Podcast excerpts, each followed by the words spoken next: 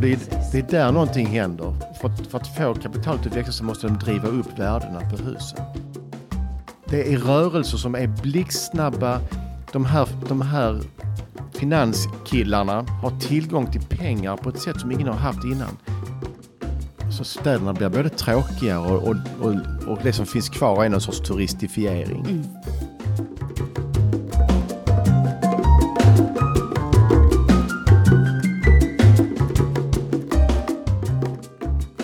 Och välkomna till Esplanad, podden om staden, trafiken och framtiden, producerad av Trivector.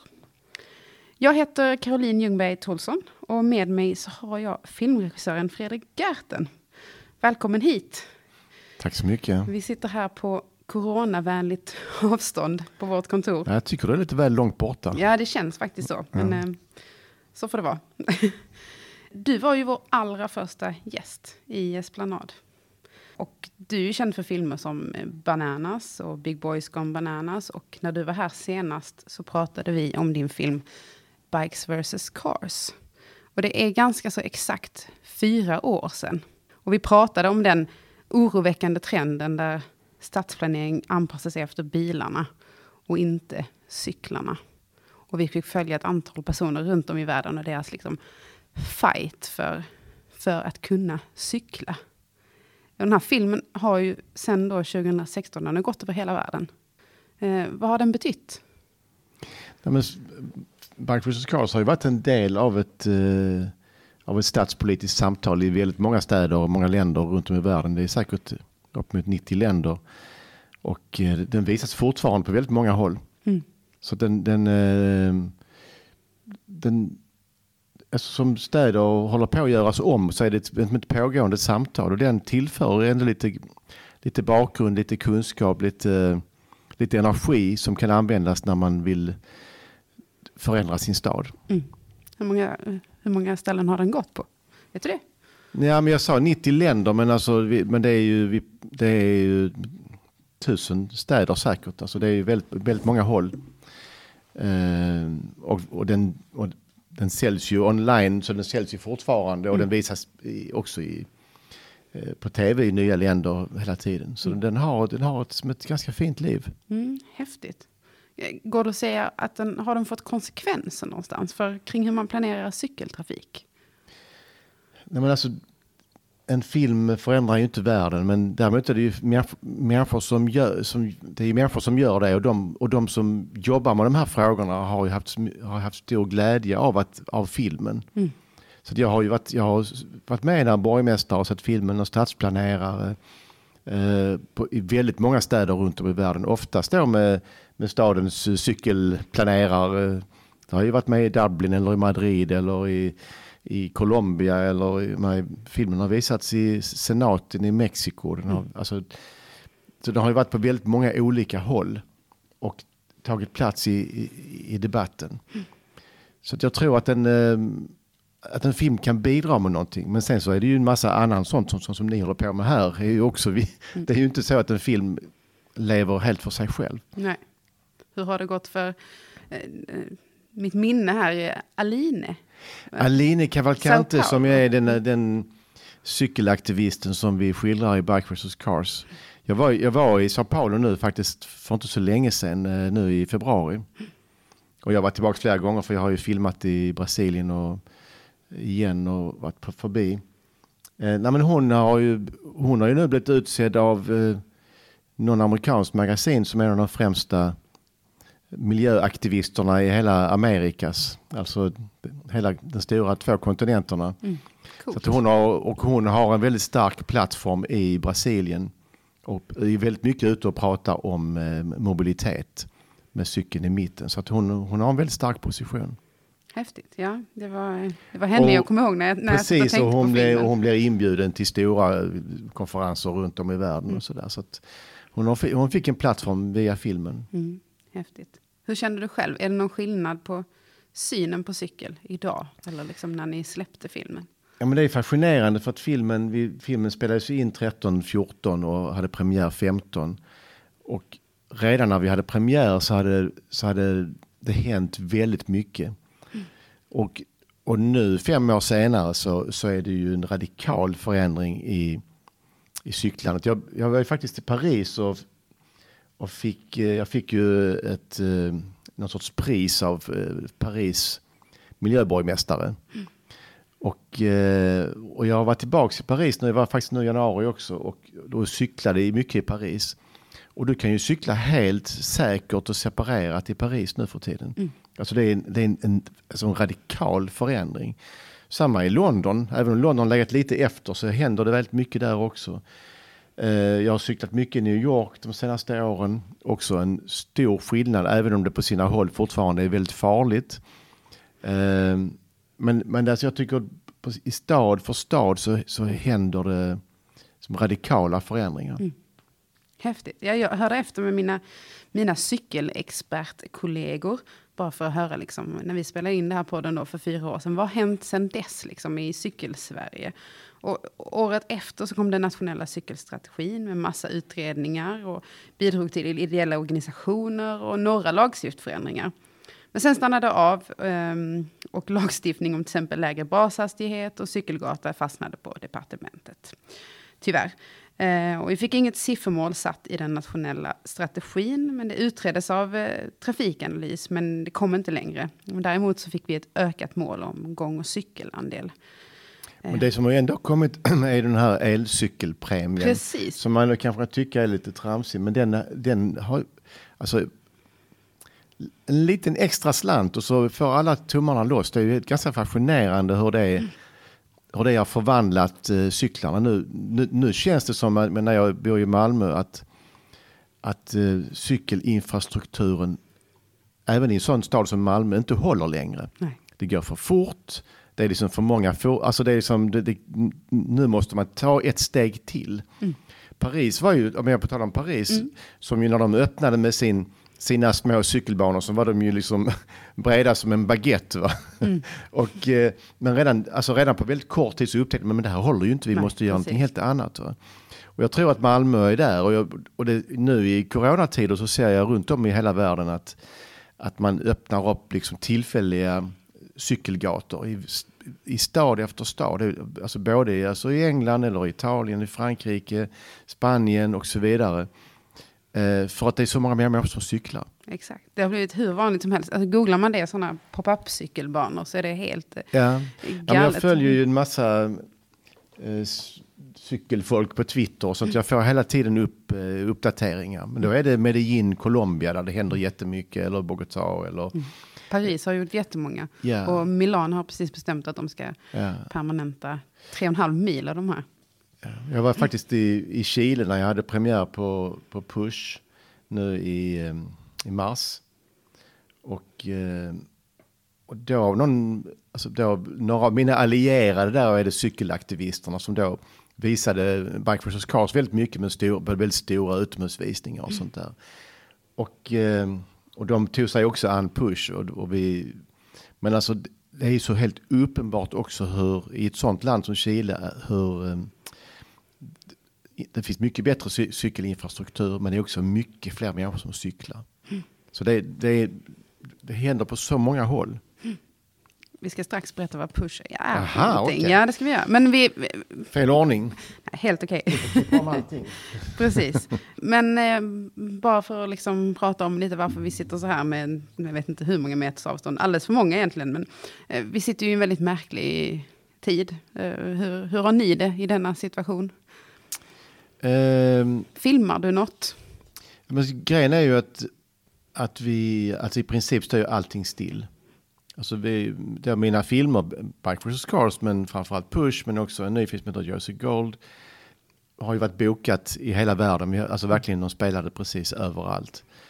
Och eh, vi skulle haft en USA-premiär på Push, jag skulle varit i premiär på IFC Center i New York och sen tre, fyra städer, press Eh, Push hade precis haft Storbrit premiär i Storbritannien. Jättefin kritik. Han går en vecka. Chile hade också biopremiär. Han mm. går en vecka. Så att allting står still och vi tjänar inga pengar. Och, eh, och det är inte så kul. Nej, nej det är Så det är tufft kul. för en... Och, Och än så länge har vi inte nåtts av några riktade, alltså branschriktade stöd, utan det är vi, vi har de generella liksom lättnaderna som de andra företag också har. Men det är, vi blöder. Kämpar på, som ja. alla andra. Mm. Mm. Ja, du nämnde det själv. Din, din senaste film den heter Josie Gold. Och mm. Den handlar om guldutvinningen i Sydafrika, Johannesburg. Och de hemska förhållanden som finns där. Det tänkte jag inte att vi skulle förkovra oss i idag. Men den filmen som jag nyss har sett, eh, den hade premiär förra året. Eh, Push, där du undersöker den nya fastighetsmarknaden och följer FNs eh, rapportör i bostadsfrågor, Leilani Farah, eh, för rätten till en bostad helt enkelt. Eh, det har ju blivit helt... Eh, det har blivit mycket dyrare att bo i hela världen, samtidigt som lönerna då står still. Och fattiga och vanlig medelklass trycks ut ur städerna. Och eh, precis som ni säger i filmen så handlar det inte om gentrifiering, utan det här är någonting helt annat. En ny sorts hyresvärld som då har etablerat sig och det är kapitalfonder utan personligt ansvar överhuvudtaget. Vad skulle du säga är den här filmens viktigaste budskap? Ja, men alltså, om man inte ska prata om budskap så kan vi prata om viktigaste kunskap. För, att den här, mm. för mig var det också en resa för att försöka förstå vad det är som, vad det är som, vad som händer. Mm. Och, och slutsatsen, det jag, det jag förstod efter ett tag var ju då att den här nya fastighetsägaren som du pratar om mm. är Förr var liksom våra fastighetsägare nationella företag som bäst, oftast lokala. Mm. Nu är de i allt större utsträckning globala och det är globalt investeringskapital. Vilket också gör att företag kan köpa på ett helt annat sätt. Innan så skulle man, man skulle liksom generera liksom eh, vinst som man kunde köpa nytt eller gå till banken med. Så, men, nu, men nu kan något, I mean, vi har, i, i, filmen berättar vi om Blackstone, en stor, världens största kapitalfond. Som då plötsligt blev Sveriges största privata ägare av mm. svensk förort. Men boom så sålde de allting förra sommaren och nu har vi då ett tyskt företag som heter Fonavia som är en kapitalfond som nu äger 50 000 lägenheter i Sverige mm. från ingenting på ett år. Eh, samtidigt har vi det Heimstaden som har sin bas i Malmö ägs av en norsk eh, miljardär. De köpte här i, i vintras 40 000 lägenheter i Tjeckien, gamla mm. kolgruvarbetarnas. Alltså det är liksom det är rörelser som är blixtsnabba. De här, de här finanskillarna mm. har tillgång till pengar på ett sätt som ingen har haft innan. Mm. Alltså det är liksom att pengamängden i vår värld är större än någonsin. Mm. Och, och, och de pengarna har svårt för att hitta ställen att växa på. Och liksom allas jobb är att, att, liksom att få pengar att växa. Och då har man upptäckt att ja, men vanligt folks bostäder, det är nog inte så dumt. Va? Men, men vi måste då fråga oss, när, de, när då ett företag går in och köper en massa lägenheter, vad säger, för då går, de, då går de ju i sin tur till en finansiella institutioner och säger vi ska köpa 40 000 lägenheter. Vad säger de till sina investerare? Och de utlovar naturligtvis att deras kapital ska växa. Och det är, det är där någonting händer. För att, för att få kapitalet att växa så måste de driva upp värdena på husen. Och då driver du upp dem genom att höja hyrorna. Det gör du oftast genom någon sorts renovering. Ja, det ser olika ut i olika länder, men, men mönstret är helt globalt. Hyrorna går upp, men... Taktiken är alltså att man, man renoverar. Är, och då alltså, höjer man hyrorna. Då har man, man helt enkelt inte råd att bo kvar. Man gör det man måste för att få lov att höja hyran. Och eftersom mm. det finns på många håll nationella regler. Mm. I Sverige har vi ju då liksom en bruksvärdesprincip och sådär. Då är det den man försöker runda. Där, liksom, där det finns en prislista. Va? Så att en handdukstork har ett värde. Ja, men då ska vi ha en handdukstork.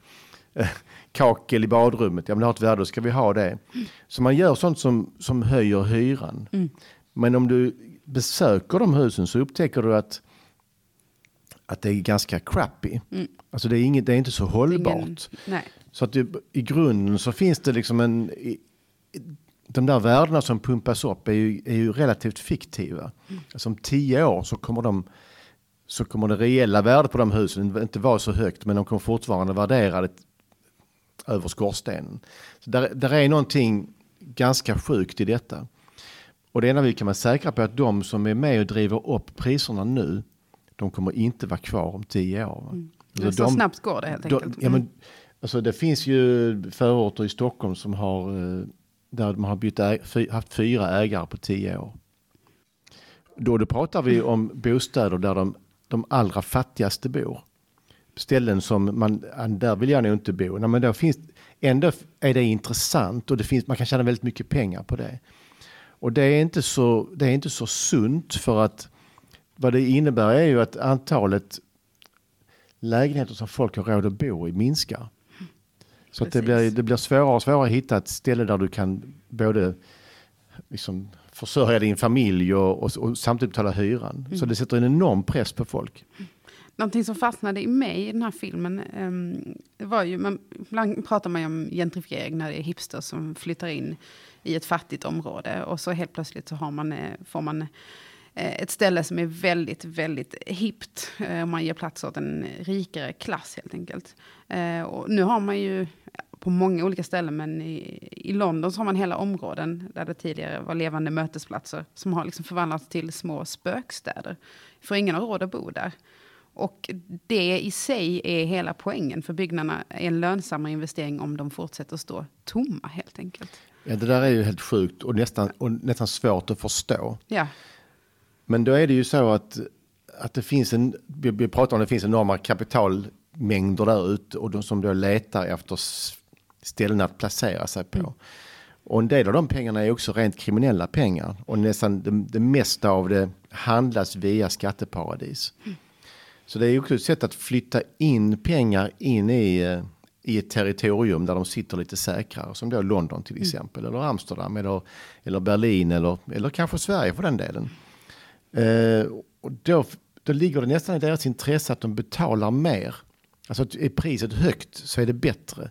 Då kan de flytta in mer pengar. Mm. När du väl har en sån tillgång i en stad som London, men då kan du belåna den. Mm. Och så kan du frigöra nya pengar som då är helt vita. Så det är, liksom ett, det är en väldigt avancerad pengatvättsmaskin.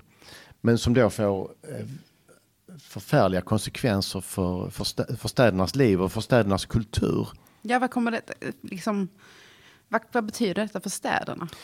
Ja, men städer har ju genom historien varit en, en, eh, en plats för mångfald. Mm. En plats där också de fattiga kan bygga sin egen kultur. Det har varit mycket svårare på landsbygden där det finns där makthierarkin på landsbygden är väldigt tydligare. Det är liksom en storbonde och sen är det lite större bönder och sen är det de fattigaste. Mm. Så där, där finns mycket mindre spelrum. Men in i städerna så har, så har folk kunnat bygga sig en, en egen folklig kultur. Mm. Och det är ju också det som är det vi gillar med städerna, den här liksom brokigheten. Där den rike fabrikören bor där, men där bor också en liten skomakare runt om hörnet. Och, Exakt. Eh, det håller ju på att bryta sönder. Jag menar, man kan se det på, titta ut på Lund, där är en stad som typiskt har drabbats av det. Av att, eh, av att liksom folk med lägre inkomster är lite utträngda. Det har blivit liksom för dyrt och det har drabbat plötsligt liksom stadslivet här inne. Mm. Eh, men menar, Stockholm är ju helt uppenbart också väldigt eh, drabbat av, av det. Men jag kommer nu till London eller till andra ställen så är det ju ännu mer dramatiskt. Man, Manhattan har ju befolkningen sjunkit. Mm. Uh, jag, häromdagen, i torsdag, så var jag i så hade tre olika avdelningar på Amsterdams stad sett Push. Uh, via länkar. Det var kanske 600 personer som hade sett det. Och, uh, och så var jag med i ett samtal där. Men, men Amsterdam är ju då en stad där barnfamiljerna minskar inne i stan lärarna vill inte jobba i Amsterdam för att de, de, det är för långa resor för de har inte råd att bo där. Alltså det är liksom det, det är en eh, så städerna blir både tråkigare och, och, och, och det som finns kvar är någon sorts turistifiering. Mm. Och det här händer ju liksom världen över. Vi satt och pratade innan, eh, du nämnde Airbnb och vad, de, mm. vad det händer med städerna också.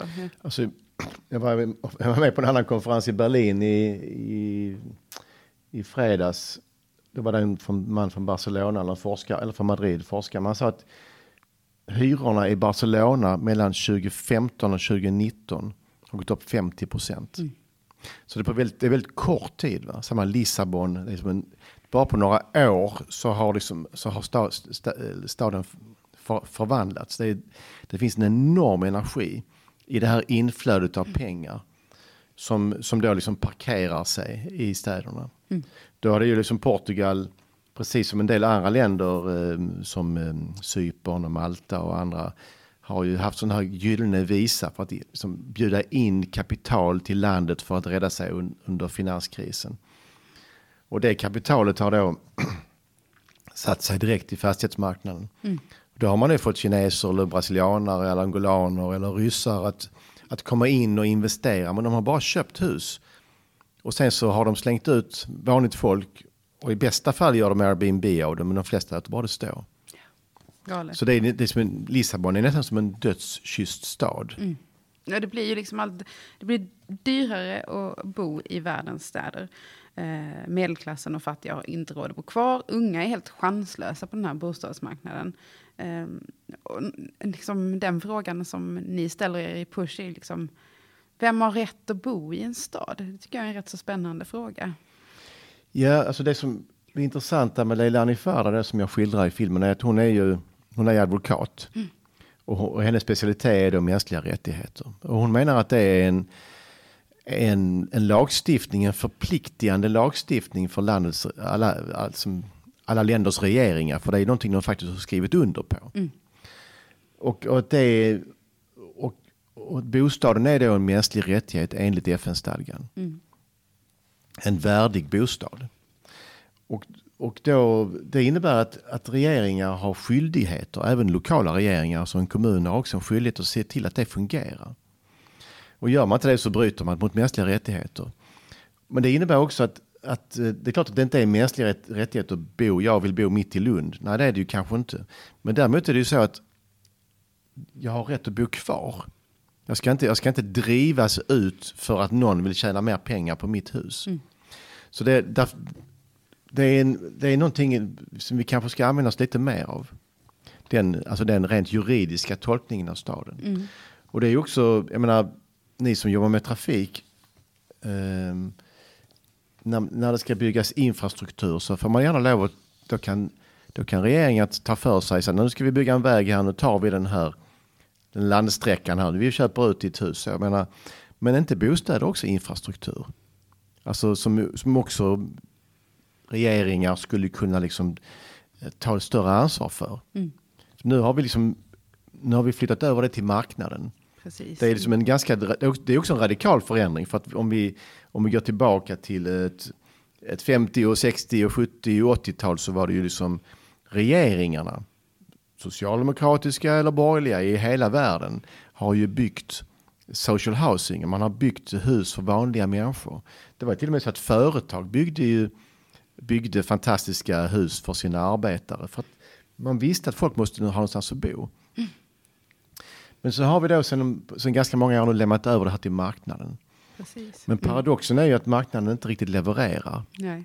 Uh, och, och jag, men, jag har ju rest mycket nu i världen och, och alltså antalet hemlösa på gatorna är ju i vissa städer är ju helt förfärligt. Alltså det är ju som i, både liksom i Paris, London, New York, San Francisco. San Francisco är ju som att gå omkring i ett levande zoo. Alltså det, det är helt förfärligt. Mm. Eh, du och det kan... beror delvis på detta. Ja men det är klart folk, det, är ju, det finns folk som sover på gatan i, eller, eller bilar och så i San Francisco som, som fortfarande har jobben kvar. Mm. Och i Los Angeles, San Diego och så vidare. Det är, som helt enkelt inte har råd att bo Nej, någonstans. de har sin bil och så bor de där. Men äh, Leilani berättade om ett möte med en, en, kvinna med tre barn som bodde i en bil i San Diego. Mm. Hon fick parkera på nätterna på, på någon kyrkas parkeringsplats. Men klockan sex så skulle de ut. Ja, med tre barn. Hänger ihop med en annan fråga ni frågar i mm. Push. Och det är liksom vad är ett anständigt boende, tänker jag. Um, inte i en bil såklart. Nej, ja, men det, finns då, det finns ju definierat vad, vad det är och det, är, det ska ju vara säkert. Precis. Det är inte så säkert att bo i en bil. Nej. Eh, det ska finnas liksom eh, möjlighet till att sköta sin hygien. Alltså det, det finns liksom, det, det, vi vet vad det är för någonting. Jag tänker i det långa loppet, om man tänker på allt det här som händer, i, som ni skildrar i filmen Push. Vad kommer det här att leda till? Alltså är vi på väg någonstans som vi absolut inte vill eller finns det någonting som kan stoppa det? Ja, det, det är ju en, det är ju en bra fråga. Alltså, förhoppningen är ju att det ska leda till att, att vi liksom eh, tar tillbaka, att politiken tar tillbaka sitt ansvar. Mm. Politiken har liksom abdikerat och lämnat över det till marknaden. Nu, men nu visar att marknaden inte löser detta. Då måste politiken stiga in igen. Mm. I, I många länder så ser vi nu enorma protester som eh, typ Chile där jag har varit eller i Hongkong eller i Beirut eller i, även i Paris mm. eller i Frankrike. Alltså folk flippar. För det är också för att folk gör det precis det som förväntas av dem. De uppfostrar sina barn, de går i skolan, de pluggar, de jobbar, de gör precis allt. De skaffar sig jättefina utbildningar, de gör precis allt det de ska. Men sen när de ska ut och bilda familj så kan de fortfarande inte ha någonstans att bo. Jag menar, Hongkong har världens dyraste fastighets, alltså bostadspriser. Mm. Det är där de protesterar som mest. Vi, måste se den kopplingen också. Så att, eh, menar, och nu, ser nu, nu exploderar det i USA. Det är inte bara en fråga som får det att explodera utan det är ju att folk känner sig under en enorm press. Mm. Och till sist så, så, så går folk sönder och då går ju också samhällena sönder. Exakt. Så att jag tror att om vi, om vi inte vill hamna i det i Sverige så ska vi se till att ta tillbaks liksom, det politiska greppet om bostadsmarknaden. Mm. Och detta borde inte vara en vänster eller högerfråga. Nej, utan, nej, utan här liksom, det borde liksom alla liksom sansade medborgare borde säga att det här, vi kan inte ha det så här. Mm. Ja, för det här händer ju även i Sverige trots vårt då liksom säkra system där vi har haft så starkt skydd för rätten till en bostad. Ja, men du ska veta att, vårt, att vårt, vår, vår svenska modell är väldigt urgröpt, urholkad. Mm. Eh, den är urvattnad och det har ju då skett i, med, med olika lagändringar. Kommunernas verktygslåda att försvara folks intressen har blivit mycket, den kommunala förköpsrätten är borta. Det är ju massa olika sådana saker som vi tänkte kommuner kunde göra. Det är också svårt för kommuner att bygga själv för att det är liksom, en, menar, de kommunala bostadsbolagen är också reglerade på ett nytt sätt. Eh, och så då den här bruksvärderingen som ju då har gjort det väldigt lätt att höja hyrorna. Mm. Och nu vill de dessutom införa marknadshyror. Så det, det, den, den lobbydrivna kampanjen för att, liksom, att försvaga skyddet och försvaga den svenska modellen, den är väldigt stark. Mm. Uh, det, och det är ganska oroväckande tycker jag. Absolut. Jag lyssnade på dig och uh, Lena då i ett sånt här pushback talk som ni har på uh, Facebook. Smart sätt att nå ut med också, eller nå ut på i dessa tider. Och där diskuterade ni bostadsjätten Akelius. Och det här var ju väldigt nyligen som man kunde läsa om, om just Akelius eh, och där Leilani då eh, hävdar att eh, de strider mot eh, mänskliga rättigheter helt enkelt. För att de ägnar sig åt så kallade sådana här konceptrenoveringar. Mm. Där man köper hus, totalrenoverar eh, när en hyresgäst flyttar. Och då kan man höja hyrorna helt enkelt. Ja, det är intressant för att i filmen så skildrar vi ju Blackstone som då är världens största kapitalfond. Som då, men det finns ju väldigt många som, som kör samma modell. Mm. Och Akelius då uppfattar vi som ett svenskt företag, men de, är ju, de har ju sitt huvudsäte på Bahamas och på Cypern. Mm. Så det är ju, eh, och de är, det är en väldigt svår, svår och genomtränglig modell, men de äger ju då hyreskåkar i städer runt om i hela världen. Och vi har då träffat eh, människor som bor i Akelius i, i Toronto, i Montreal, i, eh, i Berlin, alltså på många håll runt omkring. Och, och det, på många håll finns det också akt, liksom aktionsgrupper mot Akelius. Så det, finns en erfarenhet av att de går väldigt hårt fram. Mm. Och det är när jag pratar med folk som bor i Akelius i Malmö så är det ju liksom, är det, är det inga vackra ord. Nej. För att det är liksom, man, man gör allt för att försöka få folk att flytta ut. Och då, du vet den här, det här sättet att renovera lägenhet för lägenhet, som också Heimstaden gör väldigt mycket du kan ju skaka om ett hus. Va? För om du bor i ett hus när det, liksom, när det hamras och bullras liksom dygnet runt. Mm. Han är nog klara med den lägenheten, bara in. Men det är någon som inte står ut längre, nu flyttar vi det för mycket buller, okej, okay, då tar vi den lägenheten. Så att man, man skakar om ett hus mm. Tills man har nått en nivå där, där väldigt mycket är upprenoverat. Och då har man då genomfört det här. Alltså allting handlar ju om att höja värdet på fastigheter. Mm. Och Akelius, när de, de går ju då till stora fonder runt om, pensionsfonder runt omkring och säger vi behöver låna 500 miljoner euro för att vi ska göra det här. Mm. Och det de, det de lovar där är ju alltid return on capital. Och det, det ska det betalas av de här hyresgästerna på Möllevången eller i Kronprinsen i Malmö eller var de nu sitter Exakt. någonstans. Mm. Men inte tvunget för att deras hus blir så mycket bättre. Nej. Ja, det är tråkigt för att det, det borde istället hänga samman med liksom, vad vi önskar av staden. Hur ser det ut utanför våra bostäder? Ja, vad, vet, vad vill vi leva i för någonting? Mm. Det, det, finns ju en, en, gammal bild av en fastighetsägare som, som byggde hus som ungefär som man planterade skog en gång i tiden. Alltså att, ja men det här ska jag försörja mig på, det här är liksom en bra affär på 30 års sikt. Mm. Men de här är, det här är ju otroligt snabba rörelser.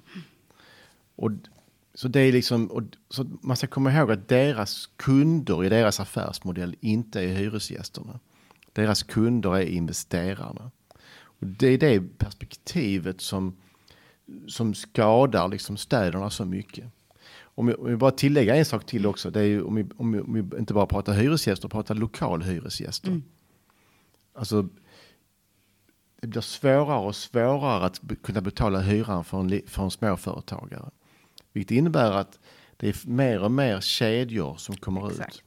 ut. Och kedjorna drivs på, på ett helt annat sätt. Det är, det är väldigt tydliga koncept, ordergångar. Du kan byta ut all personal över en natt. Mm.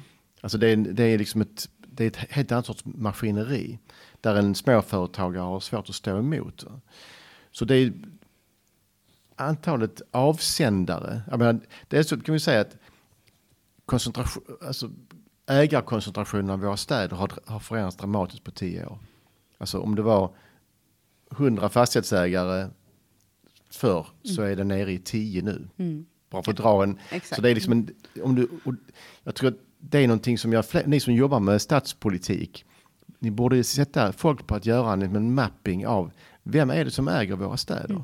Och så också titta på utbudet av ägare av, eh, av de som har butikslokalerna. Mm. För det har också förändrats dramatiskt. Mm, väldigt spännande. Um, och, och detta drivs då av kapital som är någon helt annanstans ifrån. Som inte själva vet var de sätter pengarna. Och det, och det värsta i förlängningen är ju då att en del av det här kapitalet är vårt eget. För det är min pensionsförsäkring eller mina fondbesparingar som inte riktigt vet var, det, var de pengarna hamnar. Ja. Läskigt.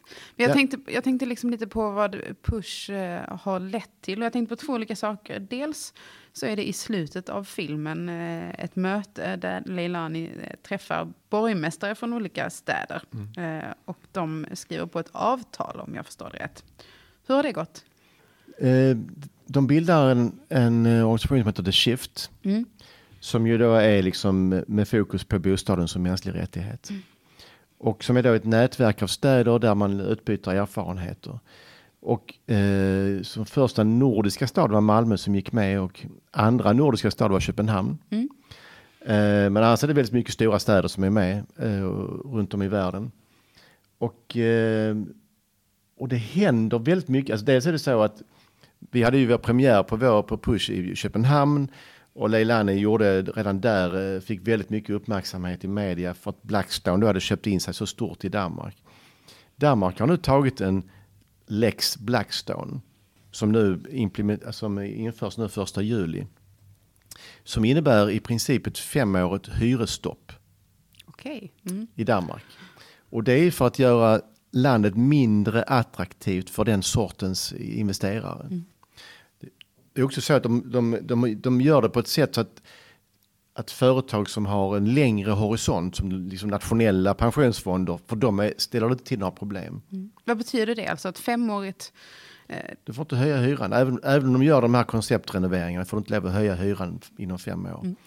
Och eftersom Blackstone de är, så, de är så snabbt in and out så blir det liksom inte så kul för dem. Nej, det är inte sagt rätt. Och Berlin då har i Berlins senat har tagit en liknande lagstiftning som också är ett femårigt hyresstopp. Så Berlin då som har haft en, en, en nästan 100 procent i hyreshöjningar de senaste åren har nu faktiskt i år fått en 5 procent hyressänkning på, i snitt i Berlin. Det har hänt nu precis. Mm. Så det är liksom städ, alltså jag, som jag sa, jag pratade med Amsterdam. De i Amsterdam har nu tagit en ny lagstiftning kring Airbnb som gör, ska göra det svårare för Airbnb. Mm. Det har också Barcelona gjort. Mm. Alltså, så att städer börjar utveckla erfarenheter och de kan man då byta inom det här nätverket. Portugal som jag nämnde innan har ju tagit en helt ny lagstiftning som då är som Leilani varit med och, och skriva på som är bostaden som, som, social, som mänsklig rättighet. Mm. Som också gör det mycket svårare för de här, de här eh, aggressiva investerarna. Mm. Kanada har också tagit en ny sån lagstiftning. Så det, det händer ganska mycket och filmen är väldigt mycket en del av de samtalen i många länder, vilket ju är fantastiskt. Precis. Jag läste också att eh, filmen har visats i riksdagen här i Sverige. Ja. Hur kom detta sig? Och vad fick ni för reaktioner framför allt? ja, det, eh, det var vi, ja, alltså vi visade även Bike vs Cars i riksdagen ja. och Bananas och så det har vi gjort flera gånger innan. Men, men eh, det är fint att få visa filmen i riksdagen och, mm. och, eh, och få lagstiftarna, liksom få dem att, att se, se det som pågår. För att det, det som jag tror att en, en film som de här kan göra är att de kan sammanföra kunskaper från många olika håll och genom det skapa en, liksom, en tydlig bild. Mm. Eh, där lagstiftare sitter fast i en massa olika detaljer. Dessutom är de ju bombarderade av lobbyister som hela tiden vill någonting som de inte säger. Mm. Någonting som de säger marknadshyror är jättebra i nyproduktion men i själva verket vill de ha marknadshyror överallt. Så det, så att, eh, så det, blev, det blev ett ganska friskt och intressant samtal. Mm. Har det skapat en ny diskussion? Kan man tänka sig det? Ja, det tror jag. Mm. Och, och, filmen har ju visats i, i väldigt många stadshus och jag menar, även här i Lund har ju kommunen och liksom förvaltningarna sett filmen. Även i Stockholm, Göteborg och, många, och Malmö och många andra städer så har ju har liksom både tjänstemän och politiker sett filmen och, och pratat med, om det tillsammans. Mm. Och det har då skett också i, i städer runt om i världen. Kul. Um, ja, ja den, är väldigt, eh, den är väldigt bra. Eh, så den kan jag rekommendera till alla, till alla lyssnare. Den ligger ju på SVT Play åtminstone en månad Precis, till. Annars får, till. Ni, annars får ni betala för den. Mm. Så passa på nu. får man också göra. Mm. eh, vi ska alldeles strax eh, runda av det här avsnittet av Esplanad. Eh, jag kan inte låta bli att fråga ändå, nu när vi pratar bostäder, vi pratar om städer eh, och vi sitter mitt i coronakrisen. Eh, vad kommer det här göra med bostäder och städer? Alltså kommer man Eh, kommer man på något sätt att utnyttja den här krisen, köpa upp eh, bostäder? Eh, vad tror du kommer hända? Alltså, de som har mest pengar just nu, mm. och då, då är det fortfarande de här kapitalfonderna och andra. Blackstone gick ut och sa att vi sitter på 150 miljarder dollar i torrt krut. Mm. Kallar deras CEO det för torrt krut, mm. dry powder. Eh, det betyder att de är, de är redo att gå ut och shoppa. Och det var det de gjorde då efter förra finanskrisen. Så att många skulle, man skulle kunna tro då att fastighetspriser skulle falla, men det, det, så har det inte alls skett än så länge. Nej. Utan de, kan det bli ännu Och faller det så är de ute och shoppar. Mm. Uh, den, det, så det är, där måste ju stater och så vara, vara på hugget för att det är ju väldigt stor risk att de här riskpat, alltså de här risk, krispaketen nu är ju grunden att det skapas mer pengar. Så mm. liksom pengamängden kommer att ökas ytterligare i världen. Och de, de här, alla de här vi pratar om, de är ju de är mästare på att få en, liksom en liten, liten skärva av all, alla de här nya pengarna. Så där kommer vi göra dem starkare. Mm. Det som däremot händer är att Airbnb-modellen eh, är ju i djup kris just nu. Mm. Så att i Prag till exempel, eh, i många andra städer så är det mycket Airbnb-lägenheter som går tillbaks till långtidsuthyrning. Så det är ju en möjlighet för städer och regeringar att, liksom att försöka begränsa korttidsuthyrningen nu. Att, liksom att göra det svårare. Mm. Det har man redan försökt göra i Paris. Är det ju, får det bara ha den ut till nio månader. Men, men konsekvensen har ändå varit att folk låter den stå tom då i fyra månader. Eh, så, eller tre månader. Mm. Så det är liksom en, det, det är en, det, och i de här, många av de här stora städerna så är det ju 20 procent av, av lägenhetsbeståndet som ligger ute på korttidsuthyrning. Så det är ju en del av liksom döden i många städer. Mm. Och, det, och detta är också en, Så det, men det är minst en politisk möjlighet i den här tiden att, mm. att, att, att, att hugga, att slå tillbaka Airbnb hårdare. Kanske eh, kan det leda till något det, gott. Där, där finns mm. en möjlighet, mm. det, det, tror jag. Mm. Det hoppas vi på. Eh, stort tack för att du ville gästa Esplanad, Fredrik. Vill du veta mer om podden eller om Trivector? Besök då trivector.se. Och har du tips eller tankar om podcasten? Hör av dig till esplanad.trivector.se.